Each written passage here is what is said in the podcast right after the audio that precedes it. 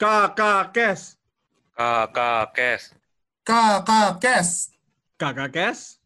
Salurkan saja.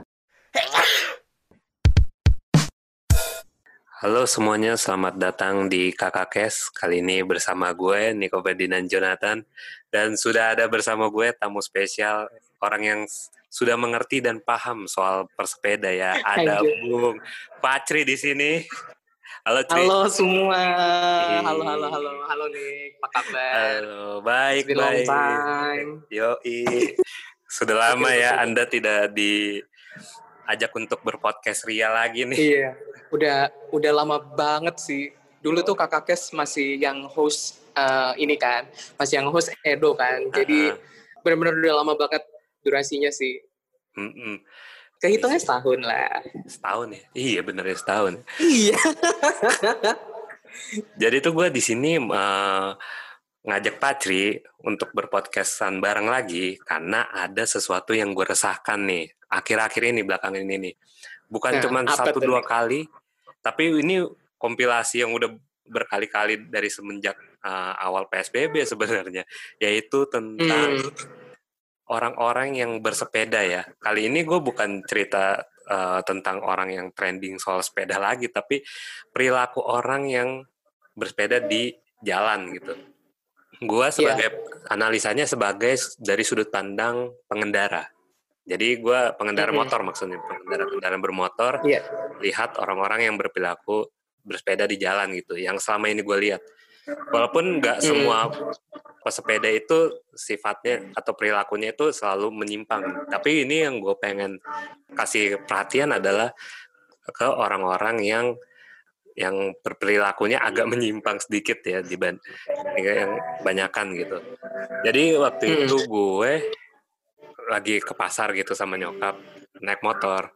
Lalu gue kan Oke. biasa lah ya daerah daerah rumah gue kan sangat ramai ya buat Iya. orang-orang bersepeda ya karena ada jalurnya dan kayaknya Hmm. sih emang udah diliput di media nasional jadinya rame gitu tem- tempat perumahan gue dan gue Mm-mm. pulang dari pasar wah rame banget nih jalan ya otomatis jalannya pelan dong ya ikutin alurnya karena kan banyak pesepeda di jalan gitu kalau selama Hmm. sepeda itu jalan di jalurnya ya itu gue it's okay gitu nggak apa-apa gue bakal kayak ngawasin dan liatin gitu gerak geriknya ini sepeda mau ke mana gitu gue selalu kayak Hmm. eh, kasih attention lebih sih ke orang-orang yang sepeda di jalurnya gitu tapi kan ada juga nih orang yang sepedanya di tengah jalan gitu Luar jalur. Betul. Jadi waktu itu gue lagi pengen belok nih kan ada ada pertigaan itu. Gue pikir kan dia mau belok nih pesepedanya udah jalan di tengah Hmm. jalan nih bertiga nih. Aturan kan nggak boleh tuh berjajar tiga tiga sepeda itu kan sebenarnya udah nggak boleh. Tapi gue pengen lihat apa mungkin dia pengen belok gitu. Karena itu waktu itu posisinya Hmm. dekat pertigaan kan. Ah kayaknya mau belok nih dia makanya ke Oh, tengah gitu kan. Dia nggak kasih hand sign Oke. tapi gue kan gue liatin aja nih dia uh, belok nggak nih? Gue harus dia belok ya. Heeh. ternyata enggak dong dia lurus terus kan dengan santainya gitu kan. Dia ngobrol sama kan. temen temen-temennya gitu kan. Terus Heeh. gua gua gua klaksonin lah akhirnya. Wah nih orang nih bisa enak jidat nih. Ternyata gua gua klaksonin tuh pelan-pelan. Du- tiga kali. Tiga kali bunyi Hmm. klakson nggak nggak klakson panjang klakson pendek. Nah dia nggak nggak ngeh juga tuh. Nggak nyadar juga bahwa gua ada di belakang kali. Karena dia kasih kan Iya. ketawa-ketawa tuh gue inget banget. Akhirnya gua Hmm. selalu gue lewatin lah gue tegur dia nggak nggak gue marahin gue tegur. Bos gue gituin kan agak satir juga nih gue bos sorry nih sepeda jangan di tengah jalan dong jalan emang punya moyang lo gue gituin. Terus dia manggil gue woi lo ada masalah apa sama gue? Aduh.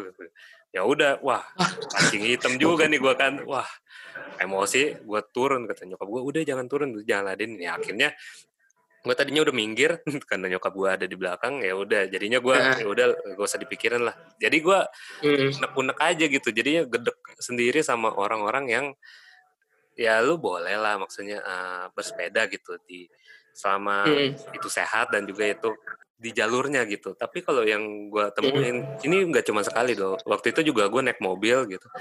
Ada orang bersepeda berempat malah waktu itu. Sampai ke Mhm.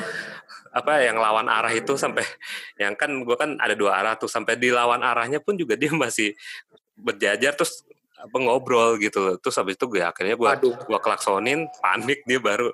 Ya gue juga gue juga cuman klakson pendek kan panik tuh dia baru-baru ini lewat ya udah akhirnya kayak Hmm. aduh geleng selalu gue ujung-ujungnya tuh geleng-geleng atau gedek sendiri ini orang apa yang Hmm. ngerti nggak sih soal sepeda ini makanya gue Iya. mau bercerita dan meminta pendapat dari Bung Patri soal gimana sih sepeda yang baik dan benar itu gitu. Gue pengen dari gue Oke. pengen tahu dari sudut pandang lu sendiri. Oh ya, by the way, kan eh, Patri ini kan gue juga lihat di IG story-nya beberapa eh, kebelakangan ini, dia juga sempat kesel gitu da, sama Hmm. Ngomongin pengendara. keluh kesah juga.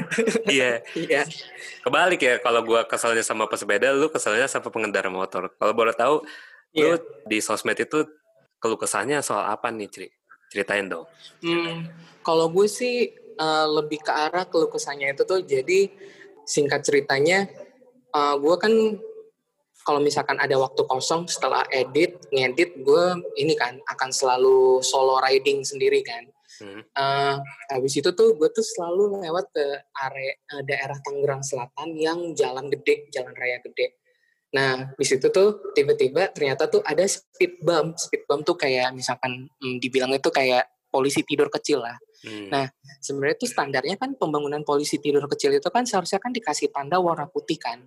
Hmm. Nah, di sini tiba-tiba muncul secara misterius dan itu tuh waktu pertama kali gue lewat situ tuh gue tuh kaget kalau ternyata tuh di malam hari gue ngeliatin ada uh, speed bump itu Hmm. karena sepeda gue brakeless dan dan gue pun juga untungnya udah bisa refleks duluan gue akhirnya ini kan ngeberhentiin sepeda dengan pelan dan kayak ya udah mau nggak mau gue harus ngerasain ajukannya tuk gitu kan Hmm. Hmm, itu sih gue menyayangkan dari yang pertama mungkin dari pemerintah pemerintah kotanya yang dalam membangun infrastruktur setengah-setengah kayaknya. Karena kan emang speed bump itu kan diciptakan emang nggak untuk nggak untuk satu kendaraan aja kan untuk kendaraan yang lain. Mungkin itu keluhan gue. Ah, dan yang selanjutnya itu tuh apa yang gue selalu keluh kesayan tuh adalah soal saat gue bersepeda yang sewajarnya emang di jalur kiri ternyata pengendara yang selain pesepeda kayak seperti pemotor atau atau pengendara mobil itu juga tidak memahami kalau pesepeda pun juga mempunyai jalur sendiri gitu loh. Misalkan Hmm. gue ambil contohnya, eh, gue dari arah Tangerang Kota, gue mengarah ke eh, daerah kabupaten. Ya con singkat katanya gue ke arah salah satu toko olahraga deh di daerah-daerah Serpong situ. Gue lagi naik sepeda, gue di sebelah kiri. Tiba-tiba ada salah satu mobil yang tiba-tiba kenceng, dia dia langsung ke kiri. Nah, pas menepi itu tuh dia tuh nggak pakai lampu sen. Gue Oh. ngerti uh, posisi dia tuh dia tuh kayak lagi buru-buru, lagi lagi nganterin saudaranya atau segala macam. Reaksi gue pun juga sama seperti Niko sendiri yang emang adalah rasa-rasa yang kayak lu kesel dan lu bakal mau ngingetin orang lain. Mung- tapi mungkin caranya berbeda. Hmm. Eh, kalau gue jujur lebih agresif, tapi gue lebih mengingatkan kalau emang mereka tuh salah, tolong dipahami. Jadi tuh singkatnya pas mereka sedang menepi di sebelah kiri, pas lagi ada yang buka pintu, gue bilang, Bu, Pak, tolong lampu sennya, makasih. Dan gue langsung jalan aja. Itu yang sangat disayangkan sih. Hmm, mungkin singkatnya tuh kayak gini, eh, oke trennya emang udah ada peraturannya pun juga udah sudah ada dari lama tapi yang pengen gue minta tolong banget untuk pengendara sepeda misalkan nih kita lihat dari perspektifnya Niko sendiri kita lihat sewajarnya kan seharusnya kan kalau pesepeda itu tuh kan barisan dua kan Iya. seperti yang ada di undang-undang yang yang tadi awalnya dijelaskan sebelum podcast ini. Nah sewajarnya kalau udah tahu dua barisan saja sebenarnya harus bisa di- dimengerti dong kalau misalkan eh, kenapa lu bakal marah kalau tiba-tiba ada tiga barisan Hmm. ngobrol di tengah jalan. Itu kan sangat mengganggu banget. Itu sih Iya. yang disayangin. Tapi gue berharap bisa sadar diri lah dan tahu setiap peraturannya dan kalau misalkan yang kayak gue dijelasin di Instagram itu tuh gue bilangnya street knowledge. Maksud gue street knowledge itu adalah eh, pengalaman lu berada di jalan mau lu sebagai pesepeda atau sebagai pengendara motor atau mobil. Lu bisa tahu di mana lu harus misalkan lu naik sepeda wajibnya lu usahain ke kiri. Misalkan ada di depannya ada mobil lu ke kanan sebentar tapi lu harus ke kiri usahain ke kiri dan mungkin untuk pengendara motor sendiri street knowledge-nya mungkin gue cuma bisa ngingetin kalau misalkan lu berhenti misalkan lu mau belok lu pelan-pelan lampu Hmm. sen udah cukup banget buat kita untuk sepe- pesepeda termasuk gue gitu sih Nick yang pengen gue ngingetin ke orang-orang Wih, mantep. Iya sih emang selain Iya. kita juga satu punya sepeda ya kita juga harus punya pengetahuan soal kondisi jalan sih. Emang sih bener. bener banget Eh tapi kalau ya misalkan ngomongin soal sepedanya sendiri, itu menentukan gak sih kayak jenis-jenis sepedanya? Kan lo kan udah paham nih jenis sepeda dibandingkan Mm-mm. gue nih sebagai orang awam. Iya. Misalkan kayak sepeda gunung, mountain bike gitu. Takutnya ada kayak kesalahpahaman. Jadi kayak ya sepeda gue kan sepeda yang jenis ini nih. Jadi gue berhak dong Mm-mm. jalan yang di tengah jalan ataupun juga lu nggak boleh eh, ganggu gue untuk jalan di tengah gitu misalkan itu Hmm. mendukung nggak sih atau jangan jadi sebuah pembelaan gitu Hmm. sepeda lu gimana tuh kalau untuk sebagai oh kalimat yang lu tadi bilang yang terakhir tuh benar jangan buat tipe sepeda sebagai pembelaan lu sendiri sih. Hmm. jujur semua jenis sepeda tuh sama aja sebenarnya. Dipakai untuk goes setiap hari atau ya lu bakal goes sabtu minggu aja. Cuman yang di sini yang gue mau tekanin adalah mau jenis apa pun sepeda lu eh, misalkan nih contohnya lu lagi naik MTB atau naik fiksi kayak gue dan lu lagi di jalan. Misalkan ada mobil di belakang lu usahain kalau misalkan nggak bisa ke kiri lu langsung nepi sedikit ke kiri dan lu kasih tanda ke belakang untuk boleh maju. Hmm. setidaknya lu tahu kalau lu itu kan uh, yang di belakang kan pasti menunggu untuk untuk kita minggir ke kiri. At- karena juga si pengendara mobil atau motor pun sendiri pun juga berpikir oh pesepedanya lagi nunggu apa nih? Kayak misalkan yang tadi lu bilang lu mau belok dia mau belok mungkin atau Hmm. dia lagi nunggu sesuatu mungkin itu kan yang ada di dalam pemikiran pengendara mobil dan motor Hmm. jadi balik lagi ke pesepedanya sendiri pun juga harus bisa ngerti kalau sebenarnya mereka juga nggak bisa secepat motor apa pun Hmm. jenis sepedanya Iya, iya. gitu. Nah, kan udah dari jenis sepedanya, terus juga kita juga perlu nih tanda-tanda dari uh, pesepeda itu yang akan belok ataupun juga kayak kasih tanda pengendara belakangnya Hmm. suruh maju. Itu gimana Cri kalau lu dari lu sendiri nih?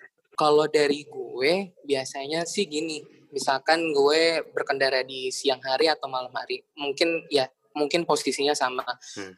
Gue sebagai pesepeda, gue misalkan gue ada di jalan sempit yang nggak seluas jalan raya gede. Posisi gue di belakang ada mobil. Kalau gue step by stepnya adalah gue usahain jalur gue ke paling kiri. Nah, yang pentingnya adalah misalkan lu bersepeda jangan pernah pasang headset. Karena setiap lu bersepeda itu tuh indera pendengaran lu itu tuh sangatlah penting. Karena dari indera pengendang pendengaran lu itu tuh bisa menyelamatkan diri lu sendiri. Jadi misalkan nih lu udah minggir ke kiri, berarti lu udah harus kasih tanda. Tandanya tuh kayak kayak tangan lu mengayuh ke depan, berarti lu menandakan bahwa eh, pengendara yang di belakang boleh maju. Gitu Hmm. sih gue biasanya. Kalau misalkan malam hari pun juga sama. Dengan lampu sepeda pun juga pesepeda dengan lampu lampu sepeda pengendara yang di belakang pun juga tahu kalau misalkan ada pesepeda juga. Namun itu uh, hand sign itu tuh perlu banget dipakai karena itu memberikan tanda juga dan ini dan membuat pengendara motor dan mobil nggak ragu untuk maju. Ya, Karena terkadang kalau misalkan kayak kayak misalkan kita maju, tiba-tiba dia nggak siap, dia nanti salahnya di kita lagi yang pengendara motor dan mobil. hmm, Nah, jadi balik lagi kita harus belajar dan saling mengerti karena satu aspal gitu. heeh. Jadi satu aspal itu bukan untuk satu kendara doang ya, Bukan untuk satu pengendara. heeh, untuk Gitu. semuanya gitu. Jadi ini kan Benar kalau banget. misalkan nanti kita mau belok nih, kita gua kalau gua anggap posisi gua sebagai orang yang naik sepeda gitu pesepeda. Berarti kalau misalkan Mm-mm. lu kalau mau belok atau kan misalnya ada per- pertigaan terus kita mau belok ke kanan misalkan. Berarti kan kita Hmm. harus kasih hand sign dulu kah atau kita ke tengah dulu ambil ke tengah dulu baru hand sign atau gimana tuh Cri? Kalau di gue adalah Jadi yang pertama itu tuh hand sign. Hmm. Nah, hand sign itu tuh memberikan tanda tanda awal ke pengendara mobil dan motor yang di belakang. Hmm. Berarti setelah hand sign itu kan memberikan reaksi untuk pengendara mobil dan motor yang di belakang untuk berhenti. Jadi kita bisa mengambil jalurnya untuk langsung belok. Itu lebih aman sih menurut gue daripada langsung ke tengah. Karena kadang-kadang kita juga nggak bakalan bisa tahu kan kalau pengendara motor atau mobil bisa ngedengar suara sepeda kita Betul. karena seba- karena sebagian besar pes- sebagian besar sepeda itu tuh benar-benar senyap, Iya. benar-benar nggak ada suara sama sekali. Motor, mobil bisa lah. Nggak ada spionnya ya. Nah itu dia Iya eh, kan. poin-poin yang harus diingat sih. Karena pesepeda pun juga nggak ada spion. Jadi handstand itu tuh sangatlah sangatlah penting untuk dipelajari untuk Hmm. setiap pesepeda yang baru mau mulai atau yang emang sudah lama. Apa pun jenis sepedanya.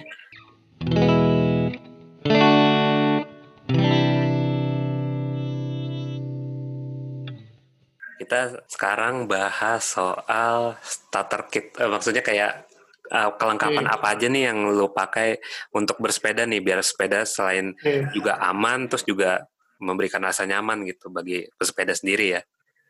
Lo Hmm. apa aja nih, Tri? Benar. Yang lo pakai biasanya? Em, starter kit gue untuk sekarang yang pasti helm.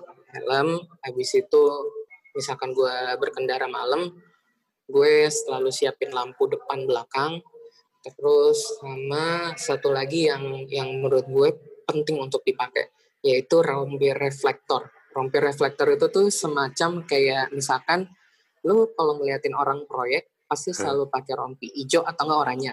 Ah iya. Nah, di, nah dalam bersepeda biasanya dipakai orang yang uh, pergi back to work commuting.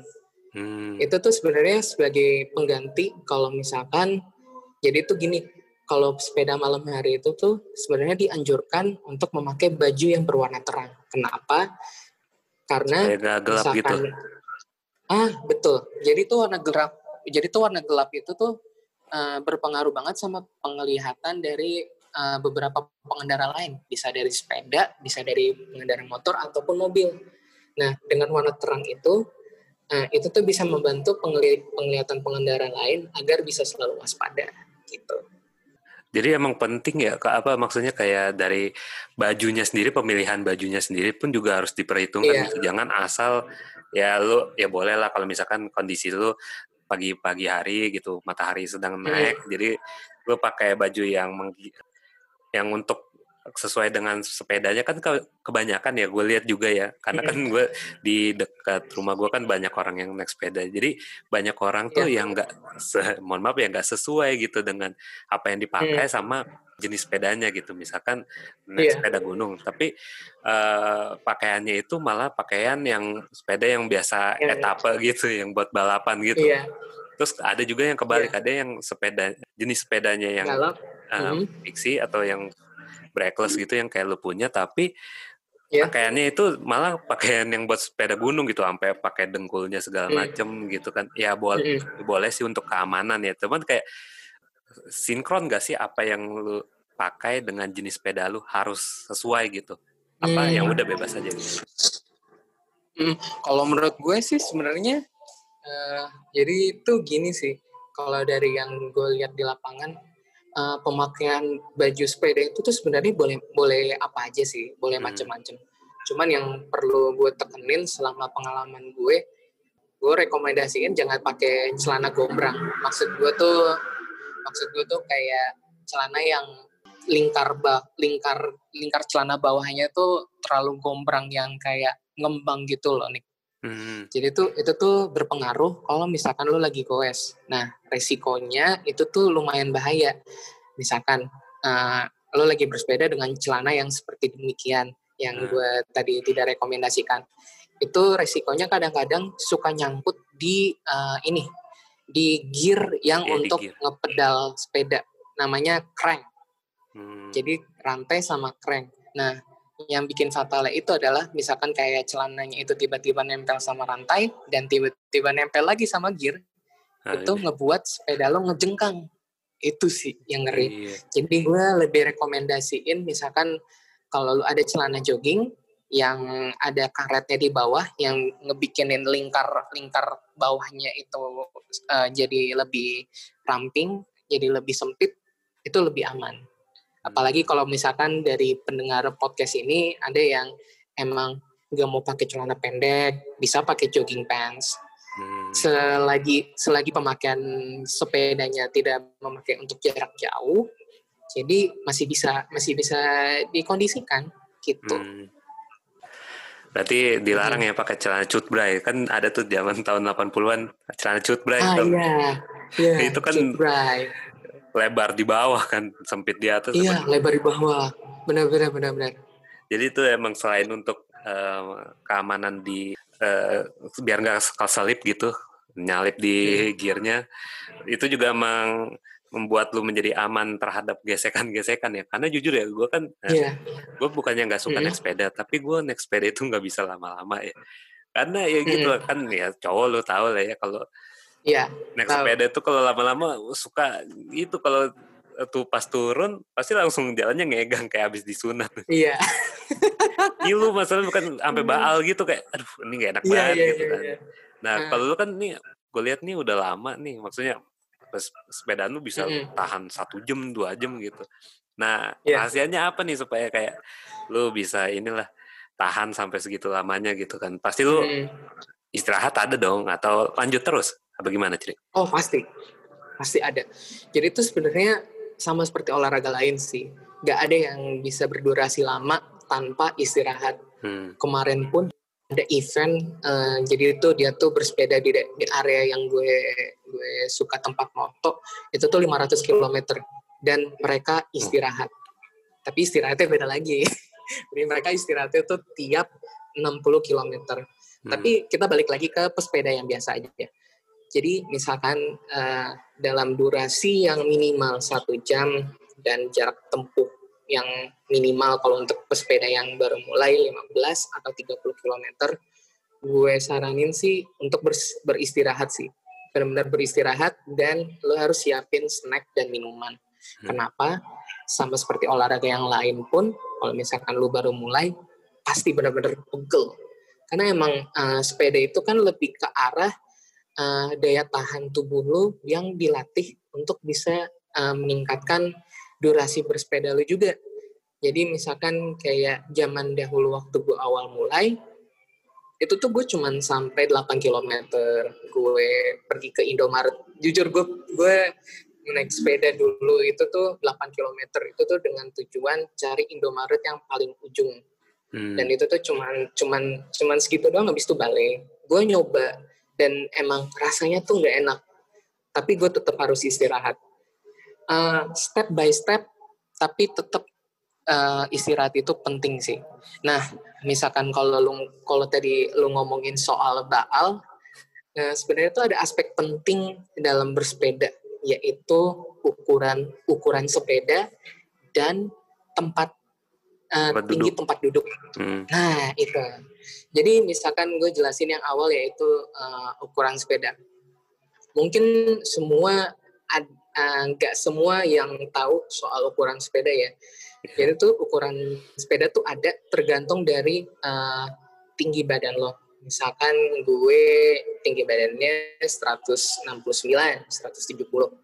Itu ada ukurannya sendiri dan uh, dibuat dibuat khusus untuk ukuran yang demikian.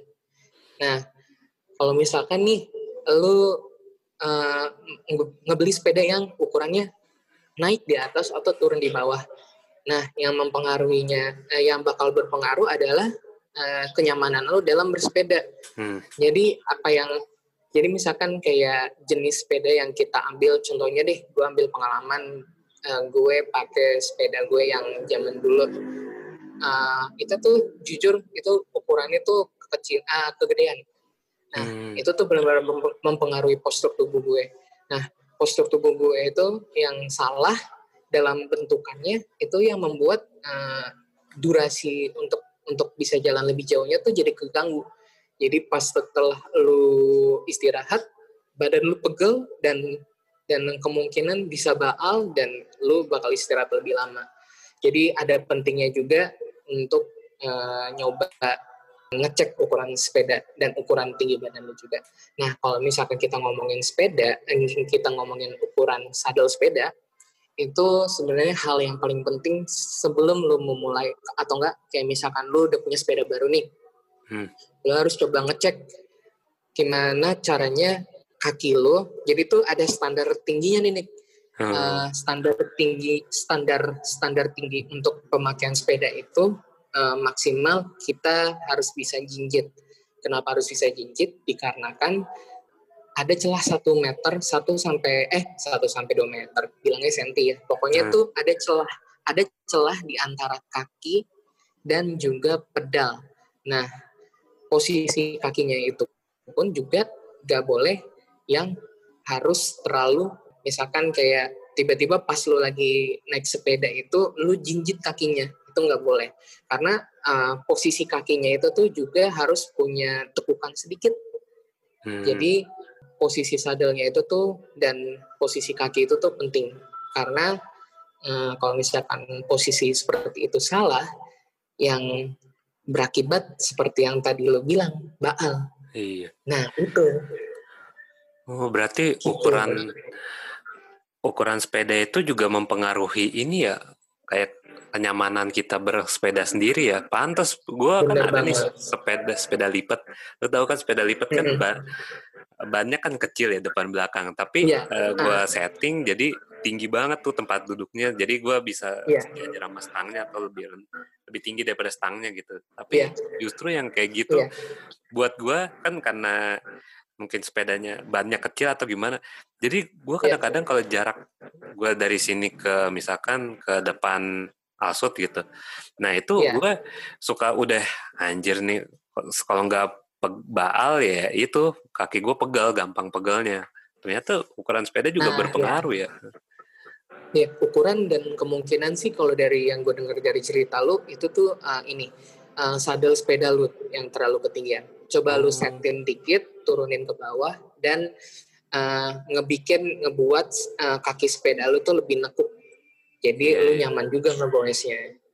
Oh pantes itu. Ntar gue Iya. coba deh kalau misalkan Iya. ke mana lagi gue turunin itunya sadel sepedanya supaya Sadel ini. sepedanya. Mm-mm. Iya. Nah itu kalau kan Dan ada juga. kalau gue kasih FYI gitu, jadi tuh sebenarnya tuh ada yang lebih mahal loh. Kalau misalkan kita ngomongin soal sepeda, namanya tuh? fitting. fitting. Jadi tuh fitting itu tuh sejenis kayak uh, kayak yang tadi gue bilang, uh, nanti bakal dikasih konsultasi sama ahli. Dia Hmm. tuh tuh bakal ngasih tahu kalau sepeda yang cocok buat lo itu tuh ukuran berapa, terus uh, sadel sepeda lo harus setinggi apa, itu bakal dikasih tahu. Bahkan ada tesnya. Hmm. Jadi kalau kata salah satu uh, ahli fitting sepeda itu tuh dia tuh bilang posisi yang benar itu tuh bakal memunculkan tenaga dan durasi yang lebih lama. Gitu sih. Hmm. Itu yang gue tahu dari beberapa teman-teman gue yang cerita. Gitu sih. Nick.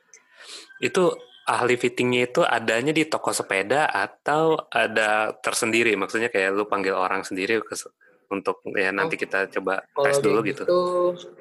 Kalau kayak gitu biasanya ada di toko sepeda sih, Nick. Cuman Hmm. kayaknya nggak semua harus difittingin juga gitu. Oh. Jadi Iya. kayak hmm, kalau misalkan kayak misalkan lu mau coba setting sendiri, seperti itulah tata caranya. Hmm. Jadi lu bisa berdurasi lebih lama juga dan mungkin bisa jadi transportasi alternatif lu. Mungkin kalau misalkan lu mau ke suatu tempat dan emang nggak ada motor di rumah atau atau lu nggak mau jalan kaki gitu. Iya. Iya sih. Fitting mandiri. Mm-mm. Bener banget. Jadi eh, emang kembali lagi ya jenis sepeda juga menentukan kenyamanan lu dalam bersepeda itu sendiri sebenarnya. Nah ini ciri kan kita Iya, kan tadi udah bahas soal eh, dari segi pengetahuan berkendara, terus dari jenis Mm. sepedanya sendiri gitu. Terus Cri, kalau misalkan nanti kita kan udah berkendara nih dan juga udah mengikuti apa yang di dianjurkan nama pemerintah gitu kan di peraturannya kan udah tulis Iya. tuh kelengkapan bersepeda terus pengetahuan kita bersepeda Hmm. gitu tapi eh, kita juga jangan lupa untuk ini Cri, misalkan ngecek tubuh kita sendiri Ka- karena waktu itu ya gue kan Oh, waktu betul. itu se- sempat share gitu kan ada di dekat rumah gue uh, pesepeda itu yang meninggal gara-gara dia mungkin karena kecapean gitu di Hmm. forsir gitu nah gue pengen tahu Ci, maksudnya kayak lo kan sering tuh bersepeda dengan jarak jauh gitu nah Hmm. tahu ngecek tubuh lu ini udah capek atau belum nih atau ya gue belum nih butuh istirahat nih atau gue kayaknya udah udah Hmm. masih capek deh tapi istirahatnya masih jauh gitu kayak checkpointnya masih jauh itu lu Hmm. kayak gimana turnya Cri? Kalau gue sih ini, jadi tuh gini, eh gue biasanya ngakalinnya itu tuh dengan ngebawa dua dua snack bar. Hmm. Snack barnya boleh apa aja.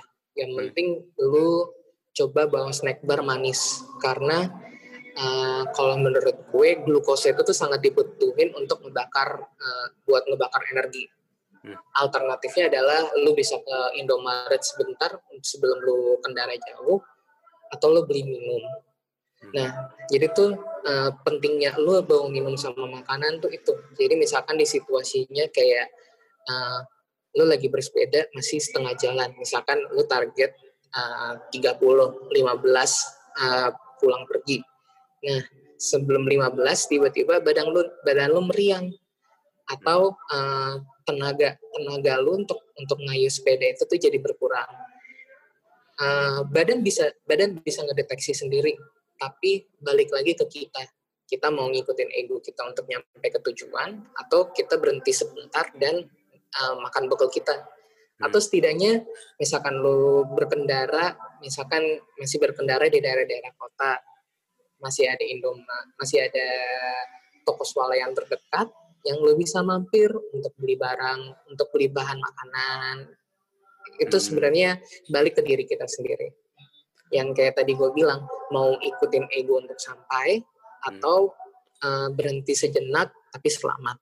Gitu sih Nah, Tri, harapan lu nih sebagai pesepeda nih melihat situasi perkembangan sepeda di Indonesia nih yang udah makin ya orang makin banyak lah bersepeda gitu, semakin sadar untuk menggunakan transportasi ini bukan dari sebagai sarana transportasi doang ya, tapi sarana untuk berolahraga gitu kan, sarana untuk kayak Hmm. hiburan gitu sekarang udah sampai ke situ tahapnya. Nah, lu nih sebagai Hmm. pengendara sepeda nih apa nih harapannya buat pesepeda di, pesepeda di Indonesia ini? Hmm, harapan gue sih untuk pesepeda di Indonesia itu eh, simple sih. Kita bisa saling ngerti kalau kita di satu aspal yang sama. Wih. Jadi untuk pengendara motor pun juga kita juga ngerti kalau misalkan pesepeda pun juga kita udah kasih kasih tanda-tanda ya setidaknya kita menunjukkan bahwa kita pengendara yang santun lah di jalan.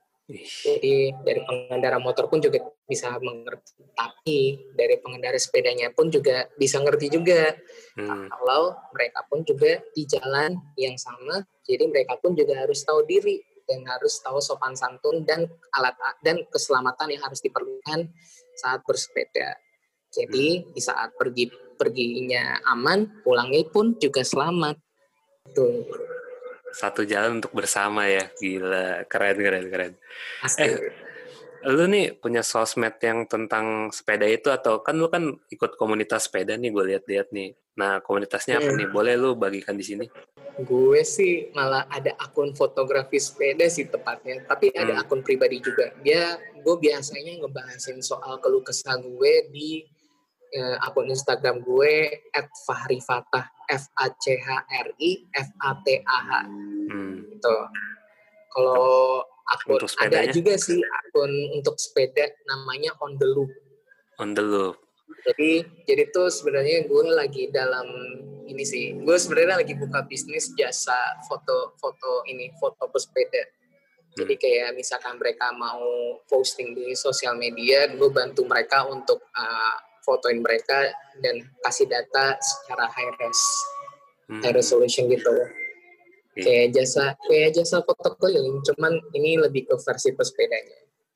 mantep mantep eh lu kan juga eh, selain fotoin sepeda jadi kan orang yang pengen ketemu lu nih untuk sepeda bareng nih sama Hmm. lu sama teman-teman lu itu Hmm. bisa diatur di hari apa gitu atau ya join ke community Hmm. mana gitu kan Kalau community-nya itu dia kan lebih ke foto ke community fotografer ya. Kalau community untuk yang pesepedanya ada namanya Mozilla Loop.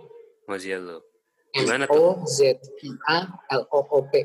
Itu adanya di uh, uh, ini uh, di Mozilla, La Piazza Mozilla. Hmm. Jadi kayak salah satu ruko gitu, dia isinya kayak ada uh, tempat servis sepeda, tempat showroomnya juga, dan juga ada Hmm. tempat makannya juga.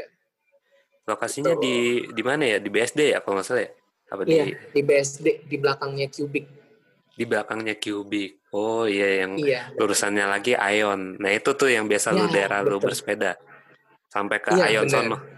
Wih iya, jauh di, juga ya. iya di situ. Hmm. Iya, kalau dari Cubic ke Ion aja kan butuh waktu 15 menit, eh 10 menit lah biasa. Kalau naik sepeda berapa lama ya? Iya, 10 sampai 15 menit. Iya Mm-mm. sih. Ya, keren sih. Tadi udah udah jelas ya pemaparannya dari Bung Patri ya sama terjawab sudah kayak bahwa antara pesepeda dan pengendara motor pun juga harus saling-saling mengerti ya. Karena ya kembali lagi satu aspal itu Iya, benar. bukan cuman punya satu pengendara atau pengendara yang dikhususkan gitu. Untuk pejalan kaki pun sendiri pun juga kalau misalkan lu mematuhi rambu-rambunya, tahu sadar jalur lu di mana, ya itu bakal ujung-ujungnya kita selama sampai tujuan. Itu sih yang dipenting sih. Dibandingkan lu sekedar gaya doang ataupun juga kayak ya untuk sekedar cari hiburan ya boleh, tapi ya kembali lagi street knowledge lu juga harus dikembangkan gitu. Jadi lu tahu mana yang baik untuk lu ke depannya dan juga mana yang buat lu juga selama sampai tujuan. Itu sih yang penting. Oke deh, Cri. Thank you banyak ya udah menjelaskan kita dan memaparkan kita nih soal pengetahuan-pengetahuan yang sebelumnya tidak diduga-duga nih. Dan thank you banyak yang udah ya.